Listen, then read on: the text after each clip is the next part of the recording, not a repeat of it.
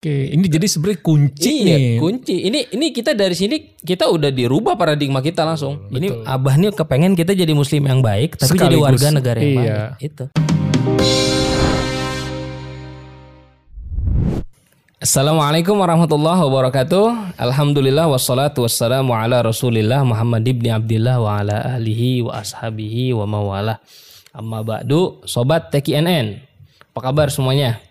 Baik, alhamdulillah. Alhamdulillah. Semoga semua yang menyaksikan dan tidak menyaksikan mendapatkan kesehatan lahir batin, sehat walafiat. Amin. Karena hari ini spesial. Kenapa spesial? Karena ulang tahun Tanbih. Tanbi. Alhamdulillah. Hari ini kita menghadirkan Kang Idan. Hari Tanbih. Hari Tanbi 13 Februari 1956. 56. Berarti udah berapa tahun tuh? Lim, 60 65, sih tadi. Tadi aneh Spesial. hitung pakai kalkulator sih. 2021 dikurang. Matematikanya lemah. Jadi Tanbih ini ulang tahun nih. Hari ini ya?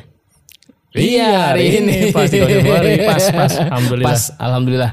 Hari ini 1956 tahun yang lalu Abah Sepuh wafat juga.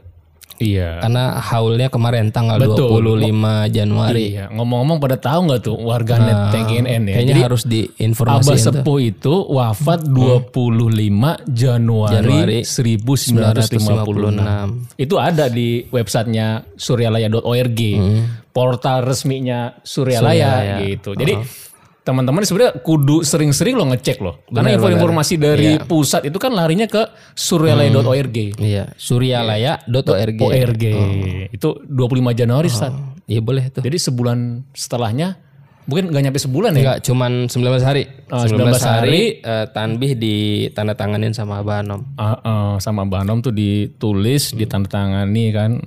Eh, luar biasa usia Banom Waktu itu 41 berarti. 41 ya. Kalau lahir kan tahun 1915. 41. Aneh 41 masih alhamdulillah begini-begini berusaha terus lebih baik. Dengan segala kelebihan dan kekurangan berusaha Ya, lebih karena kan baik. setiap orang punya tugas porsinya masing-masing. Yang penting bersama Abah deh. Yang penting sama Abah. Oke oke. Oke Gimana nih Ustaz? Kang Idan, Ah. eh, bicara tentang tanbih nih. Sekarang spesial kan hari hari tanbih yang ke eh eh, tahun tanbih ulang tahun yang ke 65. 65. Ini kan berarti perjalanan tanbih ini udah panjang ya. Panjang Ustaz. Udah panjang. Ini di mata Kang Idan nih tanbih nih seperti apa nih? Tanbih ya. Jadi menarik ya. Tanbih itu secara bahasa tuh artinya eh, peringatan ya. Peringatan. Peringatan. Aneh berpikir saat kalau peringatan sebenarnya siapa sih yang eh, mempunyai wewenang untuk mengeluarkan peringatan? Mhm. Gitu kan. Kalau kalau kita masuk ke gedung eh, gedung-gedung itu kan kalau gedung-gedung yang sekarang itu ketika akan terjadi simulasi ya, ada kebakaran atau gempa, itu kan ada peringatan-peringatannya bahwa nanti jalur evakuasi di sini gitu kan. Kalau kita naik lift juga maksimal berapa orang, bobotnya berapa kilo, terus nanti ketika liftnya macet tengah jalan harus ngapain, ada tombol-tombolnya gitu kan. nah itu yang mengeluarkan pasti kan orang yang tahu bener Mm-mm. Bagaimana kalau itu kejadian. Hmm, Apa yang akan Apa yang akan terjadi? terjadi? Nah, berarti kalau bicara tanbi ini ya o, o- Abah Sepuluh yang memang punya otoritas mengeluarkan peringatan untuk murid-muridnya dalam rangka jalan menuju Tuhan kan begitu Ustaz. Bentuk kasih sayang. Bentuk kasih sayang. Jadi bu nggak sembarangan maksudnya gitu Ustaz. Ini nggak sembarangan tanbi ini keluar bukan sekedar orang kayak nulis puisi gitu ya.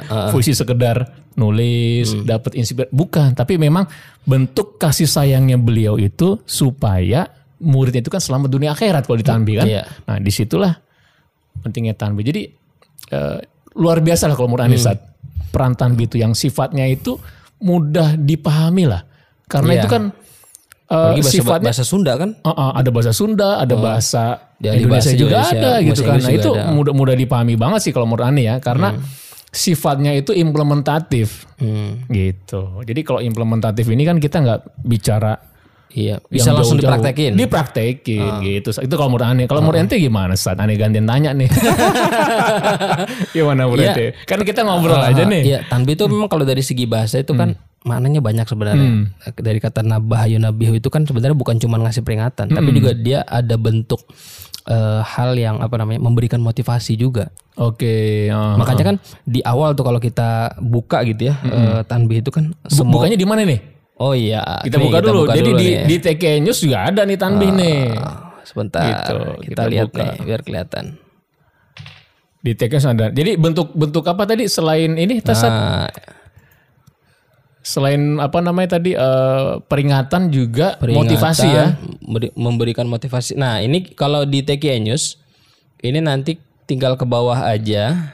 Di bawah itu nanti ada Docs. docs, tinggal dibuka. Uh, TKN News, ah, ini dia nih. Ada di TKNN Documentation. TKN Suryalaya Sejarah Tanbih. Nah, di Tanbih kita Oke. tinggal klik aja. Nanti ada pilihannya di sini Tanbih bahasa Sunda, bahasa Indonesia, bahasa Inggris. Lengkap lah pokoknya. Lengkap ya. Nah, kalau dilihat ya menggunakan bahasa Indonesia kita lihat. Nah ini, ini dari awalnya aja udah Bismillahirrahmanirrahim. Bismillahirrahmanirrahim ini kan eh, kalau Al- Al-Quran kalau di bahasanya dipepet-pepetin gitu ya, larinya ke Bismillahirrahmanirrahim. Mm, mm, mm. Nah, tanbih ini dari Syekhuna almarhum Syekh Abdullah Mubarak bin Nur Muhammad yang bersemayam di Patapan Suryalaya Kajembaran Rahmania. Sabda beliau kepada khususnya segenap murid-murid pria maupun wanita, tua maupun muda. Ini ini menarik Kang Idan. Hmm, gimana Jadi- gimana Sat? Dia tulis eh, beliau tulis pria, wanita, tua maupun muda. Ini muda nih kalau zaman sekarang mungkin milenial, Milenial, centennial, ya. Tua ane- ente kali ya. tua kalau dibandingin yang baik. Ya. Maksudnya apa? Nih murid-murid abah memang ha- eh, jangan yang tua-tua. Ini ada kalimat muda di sini loh. Oh. Ini, ini jangan lupa nih. Dan jangan pria doang yang dibidik. Dan jangan pria doang, ada wanita. Oke, lengkap Gitu. Iya, sebenarnya kan bisa aja nulisnya cuman segenap murid-murid. Iya, nggak usah dirinci. Nggak usah dirinci, tapi dirinci sama abah. Tuh, pria, maupun wanita, maupun wanita. Ini yang menarik kan di depan ini, semoga ada dalam kebahagiaan. Doa ya Sat ya. Langsung doa. Coba. Ini indah banget kan? Kita dapat wasiat tapi begitu diawali langsung doa.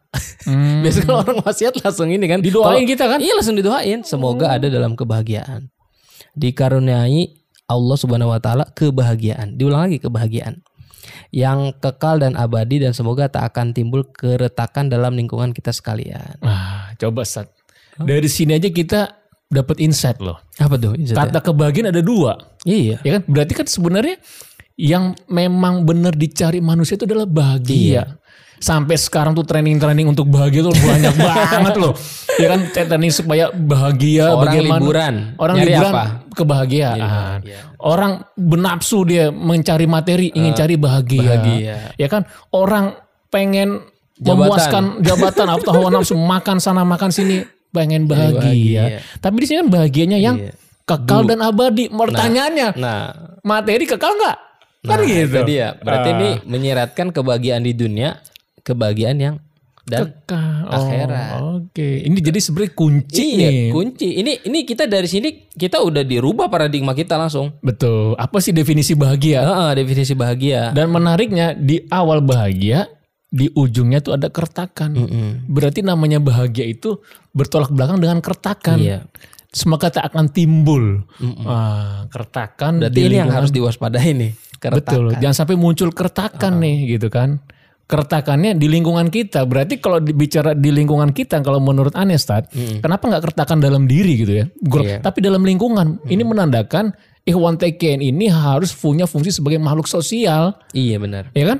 Ngapain dong kita Iya, iya. eh, bertarekat hanya untuk kebutuhan diri sendiri kan? Iya. Nah, posisi kita ikhwan itu adalah makhluk sosial kan? Makanya dalam lingkungan kita bisa keluarga, bisa Pekerjaan. eh, pekerjaan, kantor, Iya. bisa sekolah, bisa lingkungan masyarakat, Masyarakat, RT RW kan? Nggak boleh ada kertakan gitu kan? Menarik nih, ini baru satu begini. Luar biasa ya, mungkin Abah Sepuh saat apa namanya menulis tanbinya itu ya. Luar biasa.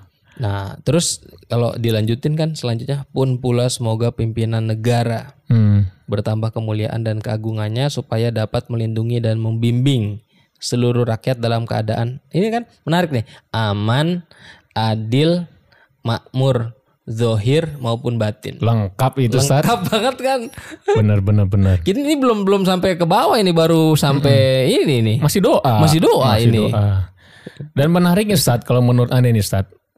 Di sini kan mendoakan pimpinan negara ya kan. Hmm. Di sini ada kata kuncinya aman, adil dan makmur. Memang kan Islam itu hadir Iya, memberikan untuk memberikan keamanan. Hmm. keadilan dan kesejahteraan. Betul. Gitu Makmur. kan? Makmur. Gitu. Zohir batin lagi Zohir Ustaz. batin. Dalam banget ini, masya Allah. Jadi kalau pimpinan negara ini sebenarnya pesan juga kalau menurut Anda ini Ustaz. pimpinan negara bukan cuma presiden. Betul, pimpinan negara kan dari paling tinggi sampai atas lah, sampai paling bawah berang perangkatnya Iya. orang-orang diberikan kuasa untuk eh, mengelola masyarakat sampai lingkungan terkecil katakan. Berarti ini pesan buat pemimpin juga, Betul. ya kan?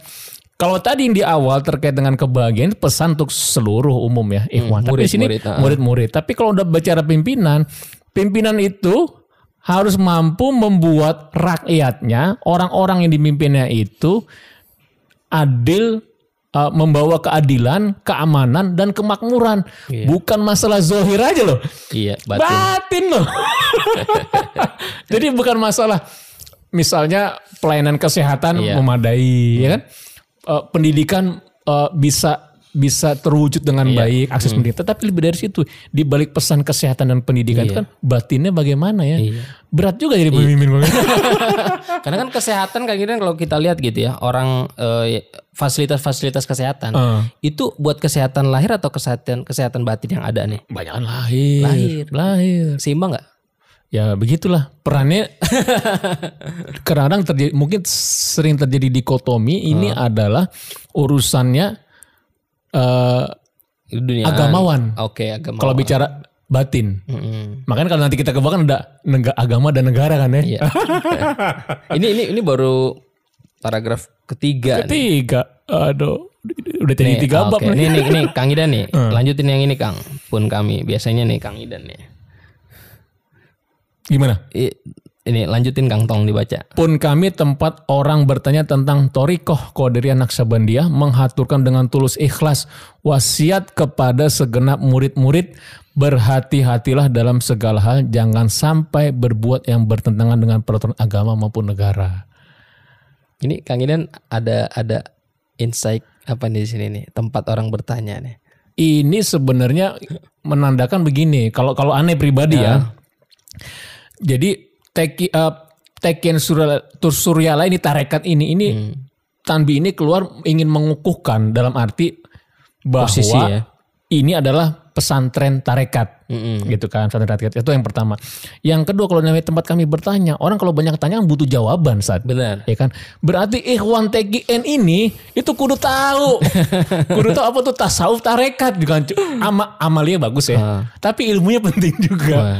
Gitu. Wawasan ketekianan. wawasan ketekianan apa itu dalil-dalilnya tentang orang bertasawuf Hmm. bertarekat gitu. Ini kan pesan juga. Di balik doa itu ada pesan.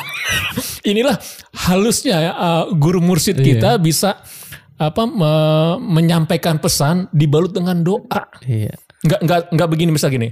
Lo begini nih lo begini nih. Kan nggak begitu. Tapi dalam bentuk doa itu beliau mengirimkan pesan bahwa kita harus mampu memahami Iya. bukan hanya mengamalkan tapi memahami keilmuan tentang tasawuf itu sendiri seperti itu sih kalau menurut Anies Ustaz.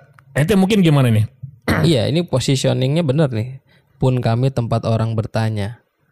Iya benar, harus punya jiwa service, betul customer service ya customer service. customer service excellent nih Heeh. Nah, ini ini ini yang juga sering ini nih Kang nih, sering sering eh, kita apa ya kita bahas kali ya. betul Nih, ber, jangan apa berhati-hatilah dalam segala hal. Teliti. Jangan sampai berbuat yang bertentangan. Ini mau nggak mau, kalau orang peng- pengen apa ya, pengen hidup yang tidak bertentangan dengan peraturan agama maupun negara, maka mau nggak mau dia harus apa berarti? Harus tahu dong. betul Harus tahu halal haram. betul Karena kalau dia nggak tahu, gimana dia bisa menjalankan yang sesuai dengan peraturan agama maupun negara? Benar, benar Ustaz. D- Dengan konteks berhati-hatilah ini juga sebenarnya bukan semata-mata itu datang begitu aja kita hati-hati. Sebelum kita sudah punya pemahaman kan. Mm-mm. Berarti kita sudah punya eh, wawasan keilmuannya. Iya. Kita sudah melakukan mencermati berbagai Hmm. hal. Maka dari itu kita bisa ber- berhati-hati. Iya, termasuk kalau berita datang hoax itu kan Iya. masuk juga nih Kalau kita nggak punya bekal, bagaimana kita berhati-hati? Nggak bisa, Nggak bisa membedakan mana yang ber- perlu kita prioritaskan, mana yang perlu kita eh, dahulukan atau Berhati-hati perlu perangkat ya. Perlu perangkat. Jadi Literasi harus kuat. literasi harus kuat, harus melek lah. Kalau bahasa sekarang Ah. melek. Kalau katanya tadi konteksnya Ustadz EF hoax tuh literasi digital kita harus Ya, kuat. literasi digital. Gitu kan. Jangan sampai bertentangan dengan peraturan agama maupun negara. Nah ini nih Kang menarik Kang.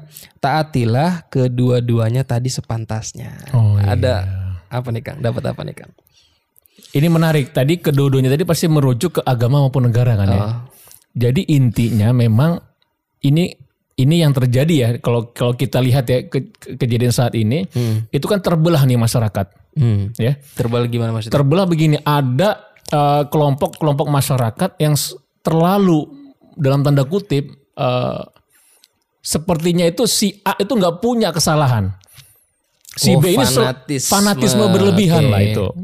Nah, itu kan membuat dia nggak bisa melihat eh, apa yang dilakukannya itu baik atau enggak. Dia hanya lihat ada sosok. Mengakibatkan ap- kalau semua yang keluar dari si B pasti salah. Keluar dari A pasti benar. Nah, di sini menarik nih. Kalau terkait dengan agama maupun negara, taatilah kedua-duanya tadi sepantasnya. Kalau kalau menurut Ane ya, Ya, heeh. berarti ini kita diberikan ruang untuk eh, eh, apa nih bisa dalam bentuk kritik membangun ya terhadap pemimpin maupun eh, negarawan ya termasuk juga para mubalik ustadz ini kan agama dan negara Iya. kalau kita pengen dikerucutkan ya kalau pemimpin dari presiden sampai ke bawah Iya. kalau dalam agama itu mungkin dari Habib Syekh turun sampai ke Ustadz lah kata gitu ya.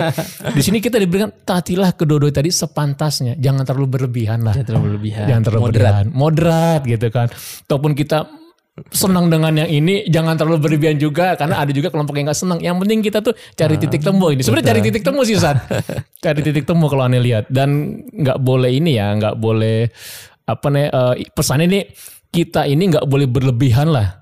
Ada ruang untuk terus memperbaiki diri. Hmm, Jadi evaluasi critical thinkingnya harus ini ya. Harus. Kalau pesannya kayak Wafi itu apa tuh? Eh, cerm apa? Bo- kri- Cermat. kritis tanpa te- kritis dengan etis gitu lah Oke, katakan. oh. Eh, cermat apa tuh? Lupa deh gue tuh.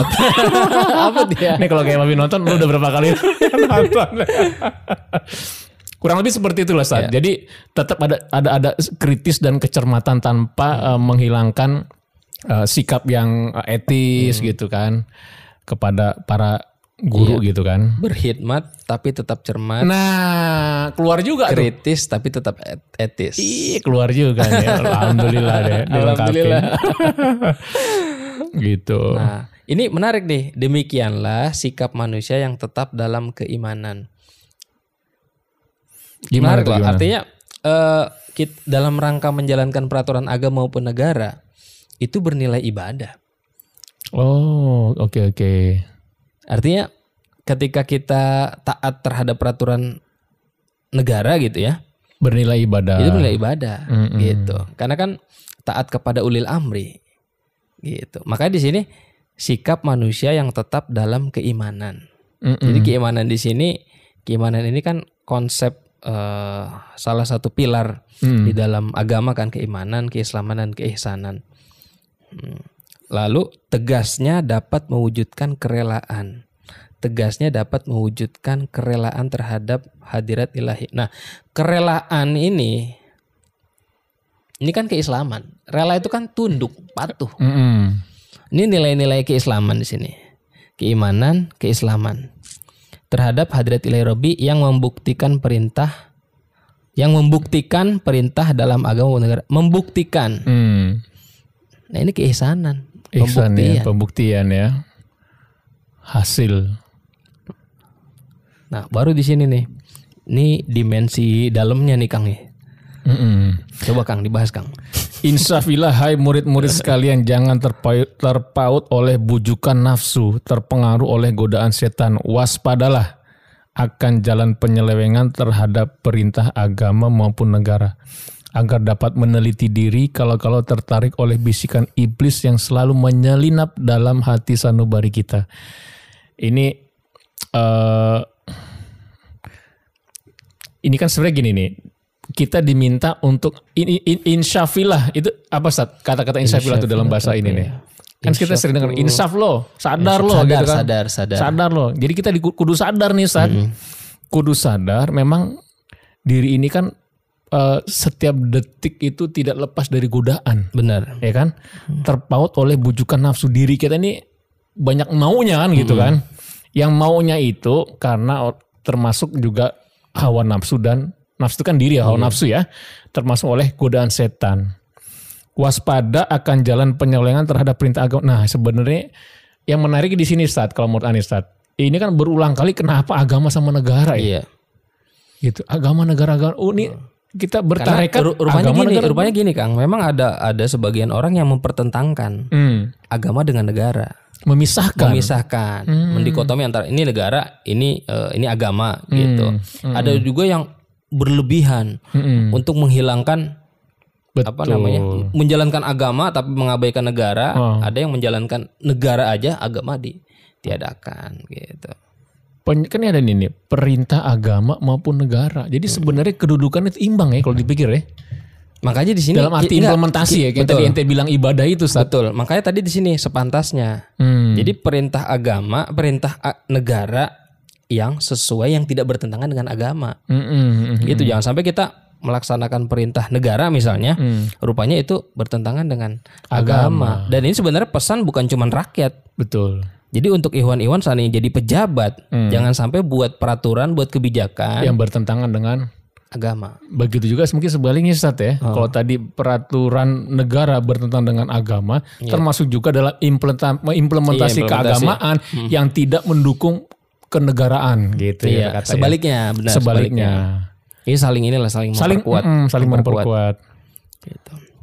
Nah, ini sekarang banyak terjadi kan begini yang tadi ente bilang tuh Iya. saat agama negara itu se- seakan-akan sesuatu yang eh, bertolak belakang Iya, ya. seakan-akan Nggak bisa mus- nyatu. muslim yang baik itu nggak bisa jadi warga negara yang baik. Betul. Ini abah nih kepengen kita jadi muslim yang baik, tapi jadi Sekaligus, warga negara yang iya. baik. Itu. Untuk membuat negara kuat jangan masukkan unsur agama kan begitu. Ada juga punya pemahaman gitu kan. Iya. Nah, untuk yang eh, punya keagamaan kuat, negara ini harus dengan eh, repot juga. Yang Jadi sifatnya abah nih utopis nggak kan. bicarain tentang ideologi loh. Tapi ini dengan bahasa sederhana orang bisa langsung Mm-mm. canggih loh. Mm-mm. Hal yang rumit ini sebenarnya rumit Betul, ini. rumit. Pancasila ini. Iya, sebenarnya rumit ini. Pancasila rumit loh. Memadukan agama negara emang dari, Iya. dari dari dulu kan problemnya seperti itu. Iya, ada yang Islamis, sekuler. Nah, dulu zaman Orde Baru ada apa eh, kiri kanan Iya, lah gitu kan. kanan. Nah, itu kan Oke-oke. Iya. Inilah moderatnya di sini. Iya, moderatnya di sini. Oke. Dan di sini ya menarik ya ada bujukan nafsu. Nafsu dulu disebut baru setan. Hmm.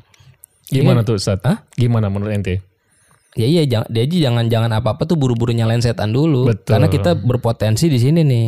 Terjebak juga di sini kita nih karena ada, nafsu ada, ada kita hawa ya. nafsu gitu. Dan ini ngajarin juga bahwasanya musuh kita salah satunya adalah nafsu, yang kedua adalah setan. Mm-mm. gitu. Baru yang ketiga nih penyelewengan eh eh, bukan yang ketiga itu. Nah, pesannya di sini nih. Lagi-lagi nih meneliti diri. Mm-mm. Nih, perhatikan di sini berhati-hatilah. Hmm. Terus di sini meneliti diri. Ini semuanya bentuk critical thinking banget loh. Kudu hati-hati, evaluasi diri, terus mawas, sadar. Observasi. Mm, Iya harus terus-terusan. Hmm. Maka di sini kalau-kalau tertarik oleh bisikan iblis yang menyelinap di dalam hati sanubari kita. Saya juga nggak paham nih. Di sini udah disebutkan terpengaruh oleh godaan setan, tapi di bawah bisikan iblis. Hmm. Iya tuh. Ini ini Kalau ini, setan ini, ini, goda, ini musik iblis gitu. ini dimensi rohani banget lah, dimensi rohani banget lah ini. ini. Nah ini baru nih implementasinya kan lebih baik buktikan kebajikan yang timbul dari Kesucian. Ini ngomong-ngomong udah berapa menit nih? Udah 24 Aduh menit ini nih. baru Baru sampai apa-apa. sini nih belum sampai Ini, bawah nih. Kita nanti pangkas ini aja ya bro ya. Hmm. Pangkas aja nanti sampai titik bisa kita sambung. Tapi menarik saat lebih baik buktikan lebih baik buktikan kebajikan yang timbul dari kesucian. Kebajikan ini kalau menurut Ane itu bukan lebih daripada kebaikan. Dalam Iya. arti begini, ke- kebaikan itu bisa sifatnya itu eh, apa ya seperti aneh ngedoain ente Iya. itu kebaikan tapi kebajikan ini udah lebih implementatif berikut aksi nyata Iya. jadi kita jangan sekedar doa itu bagus ya maksudnya Iya. harus bisa lebih baik lagi kita buktikan kalau misalnya gini kalau ada orang yang lapar kita kasih makan kan gitu Iya. kalau orang yang lagi butuh cari kerja nah tetapi semua berlandas lagi pada Iya. kesucian kolbu jangan sampai tadi itu karena kesucian kolbu itu bisa ketika Iya. kita bisa tadi ini saat mengelola hawa nafsu, nafsu. ya kan dan tak tergoda Hati-hati oleh ya, ah, teliti. bisikan ini jadi bukan sekedar berbuat baik nih ya Hmm. berbuat baik itu harus ada aksi nyata ditopang dengan kesucian kolbu Emang ini ini ya Kang ya. Kalau ngelihat nih ya. Jadi kalimat lebih baik buktikan kebajikan ini setelah kita janganlah terpaut, Hmm. jangan terpengaruh, waspada perintah agama negara, teliti diri, baru lebih baik buktikan. betul betul Jadi jangan asal kita ingin berbuat kebajikan. Ini kan sebenarnya ihsan ya. Lebih baik buktikan kebajikan yang timbul dari kesucian ini ihsan lah kalau bahasa agamanya lah. betul Gitu. Dan kata-kata lebih baik itu menandakan yang lain itu baik. Iya. Jadi tidak mengecilkan maksudnya gitu kan. Dari pemilihan katanya juga beliau luar biasa. Betul-betul apa ya selektif banget. Selektif gitu kan. Ya luar biasa itu. Ini kalau kita lihat lagi ke bawah nih Kang. Ada empat ini ya, empat klaster di Empat sini. klaster. Gimana nih Kang? Jadi ketika kita ingin melakukan sebuah aksi nyata itu kita nggak bisa eh, apa namanya eh, sekonyong-konyong ya dalam arti kita tetap butuh perencanaan. Mm-mm. Yang mau kita sasar nih siapa nih? Segmen. segmennya yang mau kita sasar jelas. siapa nih ya kan di sini dalam rangka membuktikan kebajikan ini Pangersa Berseput tuh bikin empat segmen atau empat klaster yang tadi yang sebut pertama klaster yang pertama atau segmen yang pertama itu terhadap orang yang lebih tinggi Hmm.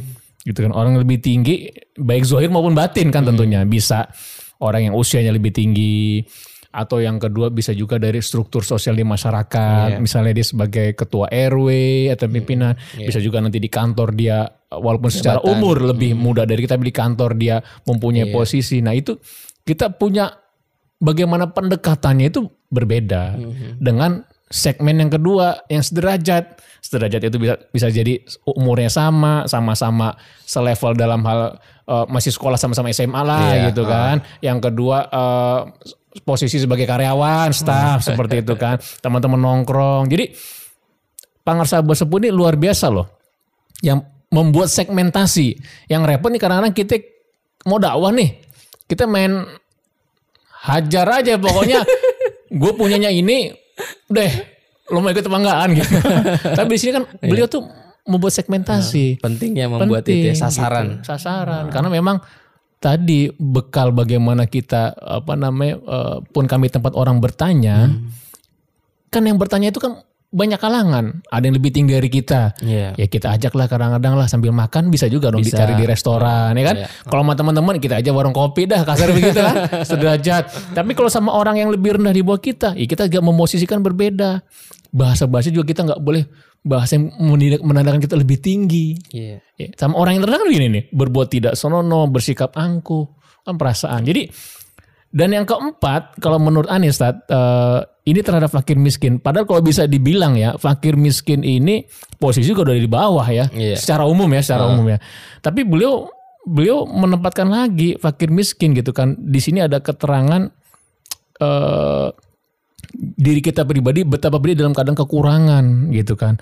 Anies sih melihatnya di sinilah eh, pentingnya eh, apa namanya eh, kebajikan berbasis ekonomi Hmm. gitu. Sinergi untuk itu ya. iya untuk menolong para fakir miskin ini. Jadi eh, dakwah tarekat itu Hmm. itu punya banyak banyak cara lah ya. Seharusnya harus punya banyak cara Iya. karena yang kita tuju tuh masing-masing beda untuk orang yang lebih tinggi sederajat di bawah sama ini. Fakir miskin lebih tepat memang berbasis ekonomi ya. Kalau menurut sih seperti itu saat. Iya. Ya, kalau kalau Anda lihat nih ya, kalau dilihat dari positioning, ini kan Abah tuh pengen ngelihat eh, kita tuh kalau melihat apa ya, realitas sosial satu gini ya, Abah itu menyadari adanya reali- realitas sosial. Itu satu. Nah, yang kedua, orang itu mesti paham positioning diri. Hmm. Itu dua. Nah, yang ketiga, tanggung jawab sosial kita itu lebih banyak terhadap orang yang di bawah kita. Perhatikan di sini. Hmm. Ketika terhadap orang yang lebih tinggi, Abah hanya mengatakan hormati, rukun, menghargai. Mm-mm. Tiga nih. Ketika yang sederajat, wah sederajat itu kan karena kita merasa sederajat, Mm-mm. pesannya apa? Jangan. Karena sera- sederajat. Biasanya kan kita kalau sederajat tuh gampang apa ya? Lebih gampang inilah, Iya. nggak sungkan lah. Betul. Makanya di sini jangan sampai terjadi persengketaan. Potensi lebih besar. Potensi lebih besar gitu. Rendah hati, gotong royong kerjasama di sini sederajat. Hmm. Entah ini sederajat antara sesama yang udah sama-sama tinggi, tetap hari harus gotong royong. Di sini sebenarnya fungsinya nih. Ini sesama yang kaya, gotong royong. sesama komunitas, gotong royong. Lihat taruh les sederajat gitu kan. Hmm. Dalam melaksanakan perintah agama maupun negara. Jangan sampai terkena firmannya azabun alim gitu. Nah, yang ketiga terhadap orang yang di bawah. Nah, ini lebih banyak tanggung jawab sosial kita. Jangan menghinakan. Jangan berbuat tidak senonoh. Jangan bersikap angkuh. Mesti belas kasihan. Belas kasihan bukan sekedar ini ya, apa namanya rekayasa tapi dengan kesadaran. Ini di, di, di- diingetin banget ini. Terus agar mereka senang. Jadi kita bikin bikin orang yang di bawah kita tuh senang. Bikin gembira hatinya. Jangan sampai takut, jangan sampai liar. Jangan sampai tersayat hatinya. Sebaliknya harus dituntun, dibimbing dengan nasihat yang lemah lembut. Ini berapa apa ya? Berapa kalimat aktif gitu yang di ini tuh Betul. Eh, semakin posisi di bawah eh, jadi artinya tanggung jawab sosial kita terhadap orang yang di bawah itu lebih lebih banyak. Nah, ini juga sama terhadap fakir miskin. Harus sayang, kasih sayang, ramah tamah, manis budi. Allah, ini murah tangan. Sadar. Iya iya iya. Coba rasakan diri kita pribadi. Ini kan empati. Empati saat. Betapa pedihnya jika dalam keadaan kekurangan. Oleh karena itu janganlah acuh tak acuh. Jangan apa hanya diri sendiri Sendiri yang, yang senang. senang. Karena mereka jadi fakir miskin itu bukannya kehendak sendiri namun kodrat Tuhan. Aneh, aneh, aneh terpikir juga, Stan. Jadi memang sebenarnya ini bisa dibilang eh, di balik ini sebenarnya ada need juga kebutuhan, kebutuhan orang yang lebih tinggi ya memang seperti ini. Iya betul. Jadi kita sama orang yang lebih tinggi dari kita memang kebutuhan banyak kebutuhannya. untuk kita hormati. Iya, betul. Ya kan kita hargai. Hargai. Yang sederajat ini sekarang problem nih orang yang sesama sederajat ini perselisihan. Perselisihan benar. Ribut Ya mulu. kan? Ribut deh sesama. Karena apa? Posisi mereka equal ya, Ah, sama equal. tinggi, sama rendah. Potensi untuk ininya Gesekannya. gesekan lebih kuat. Jadi makanya di sini pesannya jangan sampai terjadi perselisihan dan persengketaan. di poin ketiga terhadap uh, orang-orang di bawah kita, ya kita nggak boleh sombong. Benar. Kan begitu. Iya. I- Kalau kita terhadap orang di bawah kita bisa jadi posisi kita kan kemarin ditama. Iya. Ya kan? Benar. Kalau ada orang di bawah, berarti kita nggak boleh sombong. Ini yang ini yang ke atas, Iya. ini yang ke bawah. iya Ah. gitu kan. Dan yang keempat ini emang kita diingetin lo bisa begini nih semua itu karena kehendak Tuhan. Enak Tuhan. Jadi kita ngelihat orang fakir miskin tuh bilang dia ini memang karena malas nih ya. Dia ini nggak boleh begitu Nggak kan. boleh, boleh. Emang terlepas dia pun malas atau enggak tapi itu kehendaknya Tuhan. Makanya kita nggak boleh senang sendirian saat Iya. senang tuh harus berjamaah. Bener tuh. Senang harus berjamaah. Senang harus berjamaah, jangan senang sendirian kalau susah berjamaah. gitu. Jadi empat ini menarik ya Ustaz ya. Menarik nih kalau dikaji bisa lebih ini lagi nih. Nih kalau dilihat dari ini ya dari eh, akidah ya sebenarnya ini eh, nanti nanti penyesuaiannya aja ada di bawah kalau nggak salah deh. Saya pernah ngelihat juga nih. Hmm, nah di sini nih. Ini kalau dilihat dari segi akidah aswaja nih ya. Hmm. Di sini karena mereka jadi fakir miskin itu bukannya kehendak sendiri namun kodrat Tuhan. Oke, takdir. Mm-mm. Uh, jadi mereka miskin karena takdir Allah gitulah. Tapi di di sini di Ya. di ada pun soal di mana ya di nah ini dah karena yang menyebabkan penderitaan dari pribadi itu adalah akibat dari amal perbuatan diri sendiri. Iya, imbang ini ya. imbang aswaja banget ya Iya, betul, betul, akidah betul. tuh. Betul betul betul. Jadi ada kalau kalau di eh, ada ada materi tentang eh, motivasi diri itu kan nasib bicara nasib ya. Nasib itu kan jadi ditentukan dua saat. Eh, Memang takdir, tapi itu juga berdasarkan dari kita punya karakter. iya. Nah di sinilah bahasa agamanya yang menyebabkan nasib kita begitu kan amal perbuatan kita sendiri kan Iya. gitu. Cuman eh, ini kan bahasa agama kadang-kadang eh, kalau dibawa ke dunia manajemen itu kadang orang kurang kurang apa ya masih ada yang sebagian Ada tuh gap gitu ya. "Ah, ini agama nggak nggak kuno lah gitu kan. Tetapi ketika dibawakan oleh seorang ahli manajemen ini karakter sebenarnya gitu. Iya. Bagaimana membentuk karakter kan gitu. Imbang ya Sat ya. Iya, di sini aswajanya ketahuan. Eh, ini akidah aswajanya dapat banget di sini nih. Gitu. Lanjut Sat, lanjut. Tadi sampai mana tadi ya? Ah ini. Oh, demi- Demikianlah sesungguhnya sikap manusia yang penuh kesadaran meskipun terhadap orang-orang asing. Artinya Abah ini tidak menempatkan empat ini adalah ikhwan. Berarti seluruh manusia. Betul. Kebajikan kita harus Iya, seluruh manusia gitu. Nggak disebut ikhwan. menurut ente kenapa meskipun terhadap orang asing, asing itu maksudnya gimana nih? Mungkin karena tidak dekat kali ya secara emosional atau beda agama atau beda apa gitu. Betul ya, beda beda beda asing bisa dikategorikan dia beda kebang kewarganegaraan. kewarganegaraan. Di situ juga ada orang yang berbeda budaya, kultur ya kan, Iya, Heeh, latar belakang pendidikan yang beragam. Itu kan asing, Iya. budaya yang berbeda sama kita kan dibilang kayak asing Iya gitu kan. kata orang Jawa ketemu sama orang Ambon, Ambon Iya, asing. gitu kan orang A- asing.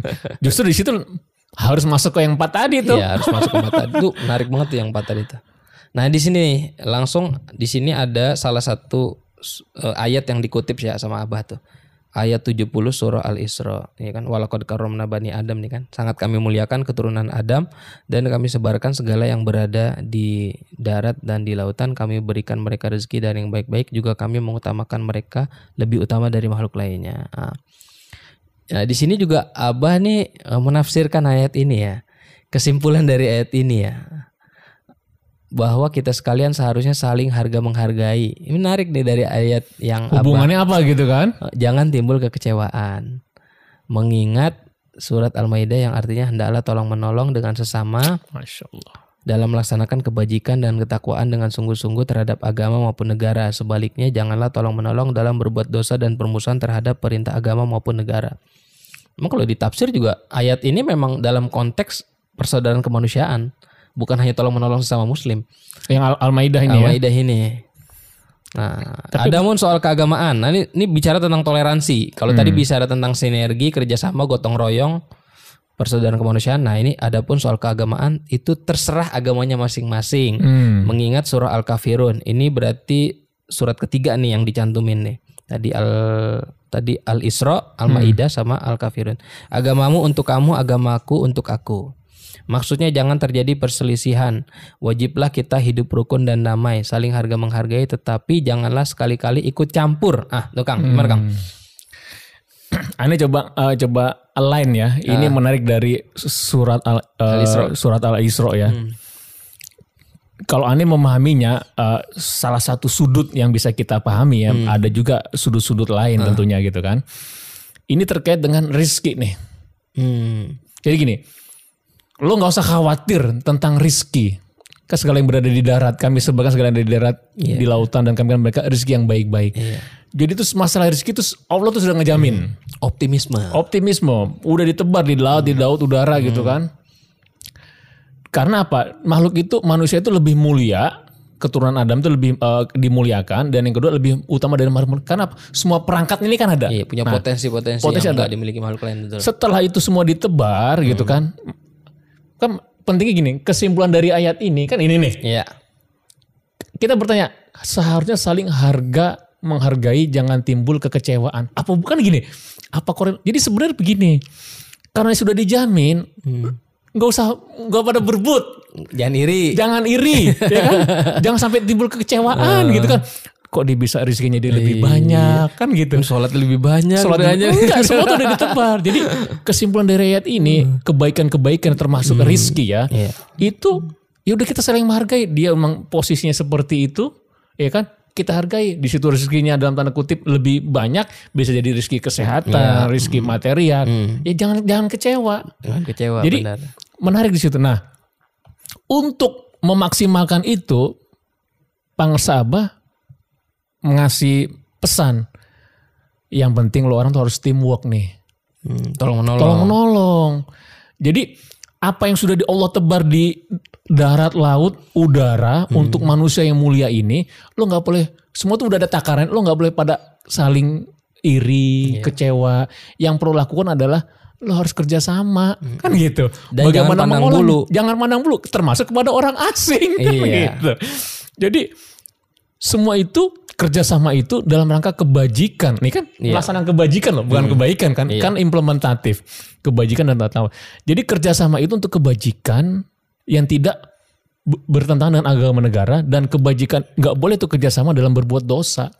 Di sini nggak boleh korupsi saat Oh iya, pasti. itu kan. Kita nggak boleh memanipulasi data katakan gitu dalam rangka mengolah sumber daya yang sudah Allah berikan untuk Iya. manusia kita harus kerjasama kita harus tolong menolong nggak boleh saling iri dengki kecewa dan kita nggak boleh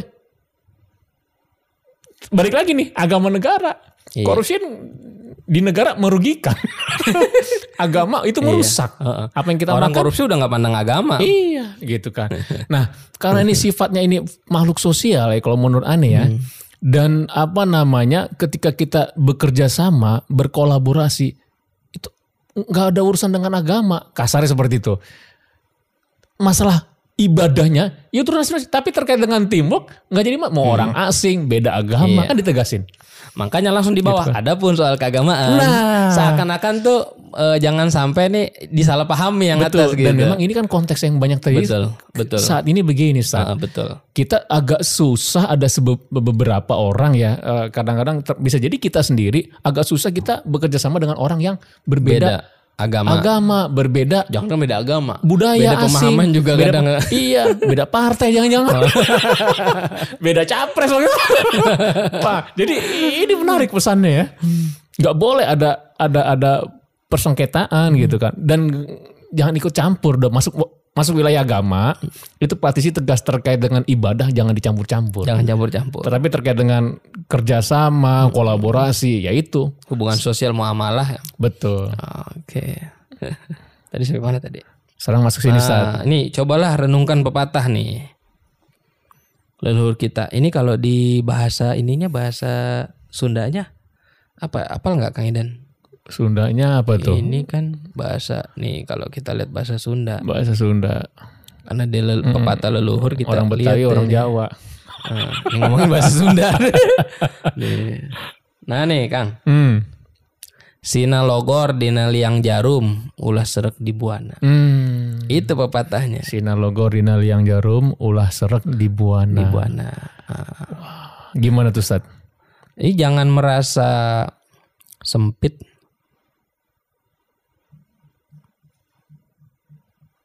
Mana sih tadi? Nah ini nih.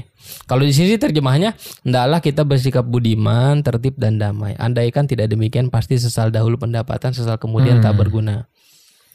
Ah saya kayak kurang kompeten lah buat ngejelasin pepatah Sunda. Ikut ini aja dah. Eh, karena yang menyebabkan penderitaan diri pribadi itu adalah akibat dari amal perbuatan diri sendiri. Dalam surah An-Nahli ayat 112 diterangkan. Ini berarti nih surat keempat nih yang dikutip sama Abah nih. Keempat. Keempat. Ini tentang permisalan ya tentang eh, Tuhan yang Maha Esa telah memberikan contoh yakni tempat maupun kampung, desa maupun negara yang dahulunya aman dan tentram, gemah, ripah, lojinawi namun penduduknya atau penghuninya mengingkari nikmat-nikmat Allah. Maka lalu berkecamuk berkecamuklah bencana kelaparan, penderitaan dan ketakutan yang disebabkan sikap dan perbuatan mereka sendiri. Oleh karena itu, eh, oleh karena demikian, hendaklah segenap murid-murid bertindak teliti Nah, lagi-lagi nih Kang. Yang ketiga kayaknya Teliti ya. Tadi nih. waspada. Dalam segala jalan yang ditempuh. guna kebaikan dohir, batin, dunia maupun akhirat. Supaya hati tentram, jasad nyaman. Jangan sekali-kali timbul persengketaan. Lagi-lagi disebut, jangan timbul persengketaan. Tidak lain tujuannya budi utama jasmani sempurna, cager bager. Hmm. Gimana menurut ente Sat? Dua, dua, dua paragraf ini nih. Iya digambarin ya kalau dilihat di surah An-Nah- An-Nahl ini kan eh, contoh orang yang mengingkari nikmat-nikmat Allah. Mengingkari nikmat-nikmat Allah itu kan bentuknya banyak. Salah satunya nggak bertindak teliti itu kan mengingkari nikmat-nikmat Allah. Makanya di bawah ini bertindak teliti dalam segala jalan yang ditempuh. Hmm. Gitu. Supaya apa? Supaya tidak berkecamuk bencana kelaparan, penderitaan dan ketakutan yang disebabkan oleh sikap dan perbuatan diri sendiri. Dan tujuan kita bertindak teliti dalam segala jalan adalah ini. Visi lah, Hmm. kebaikan zahir batin, dunia maupun akhirat, hati tentram, jasad nyaman. Betul ya. Tidak lain tujuannya dia dipertegas lagi oleh Abah tuh, cager bager, Betul. Seimbang terus Sat. seimbang terus. Seimbang terus. Gitu. Dan ini jadi ingat aneh materinya kayak Wafi tuh. Hmm. Yang goflah kan? Iya. Hmm, bagaimana kita dilatih berpikir kritis, Kritis. kita harus teliti gitu kan. Termasuk untuk hal-hal kecil kan dari dari hal-hal kecil itu bisa eh, dalam tanda kutip eh, menguntungkan untuk jangka panjang secara akumulasi. Contoh begini. Kita sering kalau di masjid itu kan keran bocor. Iya. Wah. Netes, netes, Netes, netes. tes, tes, Itu semalaman aja bisa dua ember kali itu. Oh iya. Nah, itu kan ada air, ada listrik, ya kan? Dulu Kali berapa kali berapa lama atau kali berapa keran. Iya, Jadi kali. memang eh, di sini kita diajarkan untuk teliti terhadap apa pun jalan yang kita tempuh. Jadi kita nggak hanya diberikan satu jalan sebenarnya. ya Untuk berbuat kebajikan itu tidak ada satu tidak hanya satu jalan. banyak jalan. Ada banyak jalan. Tetapi semua harus berdasarkan tadi yang kesucian tadi kan. Iya. Apa pun jalannya. Jadi menarik di sini nih Sat. Iya. Cager bager. Ini kalimat yang apa ya? Indah sebenarnya cager bager tuh. Indah banget lah cager bager. Bahasa Sunda tapi enak disebutnya juga. Cager. bager. Makanya aneh kalau ditanya, "Dan gimana kabarnya?" Cager. Alhamdulillah cager, bager. cager bager. cager, bager. Nyunda deh kita deh. Ini sebenarnya kesimpulan lah dari kalau saya ngeliat sih ini kesimpulan kesimpulan dari yang atas. Hmm. Jadi diperkuat lagi, dipertegas lagi, maka tiada lain amalan kita torikoh. Tiada lain amalan kita. Torikoh Qadiriyah Naksabandiyah. Amalkan sebaik-baiknya guna mencapai segala kebaikan. Jadi tanbih itu peringatan dan jangan lupa amalkan sebaik-baiknya amalan Torikoh Qadiriyah Naksabandiyah. Jadi tanbih sama amalan Torikoh Qadiriyah Naksabandiyah tidak bisa dipisahkan.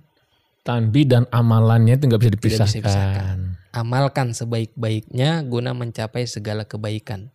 Menjauhi segala kejahatan zahir batin yang bertalian dengan jasmani maupun rohani yang diselemuti bujukan nafsu. Lagi-lagi nih, nafsu ditaruh di depan kemudian digoda oleh perdaya setan.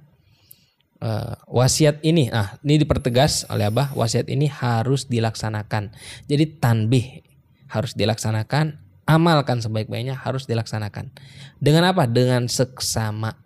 Hmm, Seksama apa? Seksama apa tuh? Kayak aneh tadi bener ini. Sebenarnya kalau mau nggak pakai kata seksama kan bisa juga ngalir ya. Wasiat harus dilaksanakan oleh segenap murid-murid tapi Iya, seksama. seksama. Seksama itu aneh uh, belum cek ya uh, Iya. ini tapi pemahaman aneh seksama itu balik lagi saat teliti. Teliti. Jadi kalau namanya kita teliti berarti kita harus tahu banyak hal dan kita bisa mampu memilah-milah. Iya. Di sini sama juga tadi kan di atas berapa kali supaya kita teliti, waspada lah gitu kan. Jadi dengan secara dengan teliti, jadi berbuat baik pun juga harus Teliti. teliti. Semua jalan teliti Iya, dalam semua yang jalan kita. Agar supaya mencapai keselamatan dunia maupun akhirat. Diingatkan lagi dunia dan akhirat. Jadi selamat itu nggak cukup di dunia maupun akhirat. Mm-mm. Kecuali Selamat Santoso ada temen aneh namanya. Dia hidup di dunia mudah-mudahan juga akhirat juga lancar. Amin, amin, amin, amin. Patapan Suryalaya 13 Februari 1956. Wasiat ini disampaikan kepada sekalian ikhwan Kiai Haji Ahmad Sohibul Wafa Tajul Arifin. Al-Fatihah. Alhamdulillah.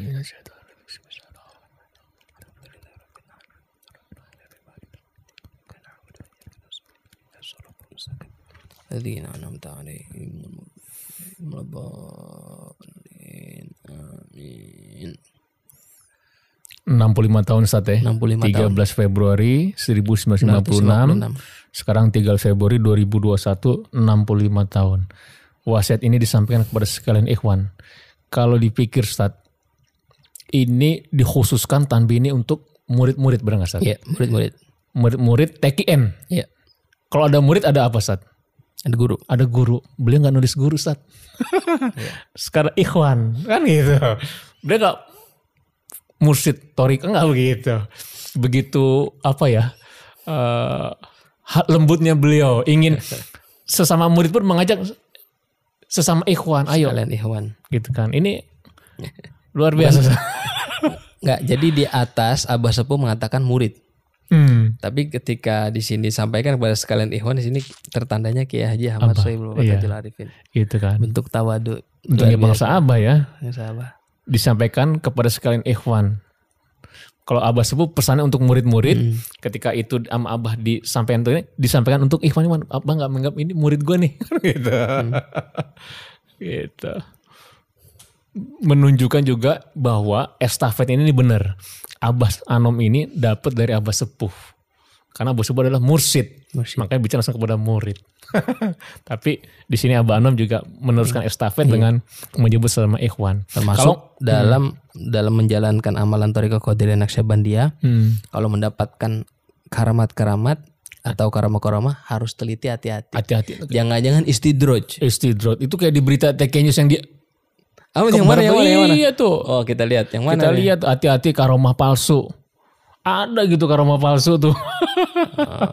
di home nanti begitu dapat karomah ngerasanya nah, nah ini tinggal dibuka aja nih hati-hati karomah palsu rupanya istidroj betul dipikir apa oh. gitu kan oke okay. alhamdulillah nih sobat TKNN Makasih nih Kang Idan Sudah nemenin nih ngobrolin tentang tanbih nah, Tapi ada yang menarik satu terakhir saat dari hmm. Kita balik lagi ke Homestad Oke okay. Home nah, di home ini kalau nanti sobat TKNN tuh eh, pengen tahu aktivitas uh, apa TKN Center di Jakarta hmm. khususnya. Ini kita akan mau bikin Oke, ini. Oke, gedung TKN Center. Gedung TKN Center nih gitu. Alhamdulillah nih Ustaz kita rencana tuh di samping masjid itu ada kantor ya dari kantor Korwil dan BMT itu akan mm -hmm. kita bangun tiga lantai. Oke. Okay. Tiga lantai itu insya Allah akan lantai pertama kita jadikan uh, eh, TKN Mart. Jadi usaha-usaha uh, Ikhwan TKN itu kita bisa masukkan ke sana, bisa kita bantu promo baik offline maupun online. Ya kan -hmm. kita sudah ada uh, TKN Mart kan. Lantai dua rencana kafe dan resto, hmm. gitu kan. Kafe dan resto itu nanti ada beberapa usaha juga yang nanti uh, memang semua peruntukan untuk uh, apa namanya uh, perkembangan dakwah dan lantai tiganya akan kita jadikan training center. Hmm. Training center ini bukan hanya untuk khusus-khusus terkait dengan ketasawufan dalam yeah. arti uh, apa life namanya skill, ya? uh, uh, tapi life skill menjadi sales yang produktif menjadi hmm. uh, ahli coding misalnya sebenarnya yeah. kita akan adakan. Nah di sini kita akan bangun tiga lantai. Alhamdulillah nih kita kebutuhan dana 650 juta hmm. sudah hampir 50 juta masuk. Alhamdulillah. Alhamdulillah. Jadi uh, kalau sobat TKN ingin ikut partisipasi hmm. uh, silakan deh insyaallah wakaf. Wakaf. Pahala ngalir terus. Ngalir terus sampai kita mati itu masih, masih terus revolving terus, revolving. Ketimbang revolving. sedekah selesai. Betul. Apalagi ini untuk mm -mm, perkembangan Oke. Sobat TKNN, terima kasih sudah menyaksikan channel kesayangan kita YouTube TKN News mm -hmm. dalam acara podcast Tasawuf. Selamat hari ulang tahun Tanbih ke-65. 65. Kita semarakan ulang tahun Tanbih. Mudah-mudahan Ikhwan TKN selamat dunia akhirat. Amin, amin, Tanbih. Amin ya rabbal alamin. Assalamualaikum warahmatullahi wabarakatuh. Waalaikumsalam warahmatullahi wabarakatuh.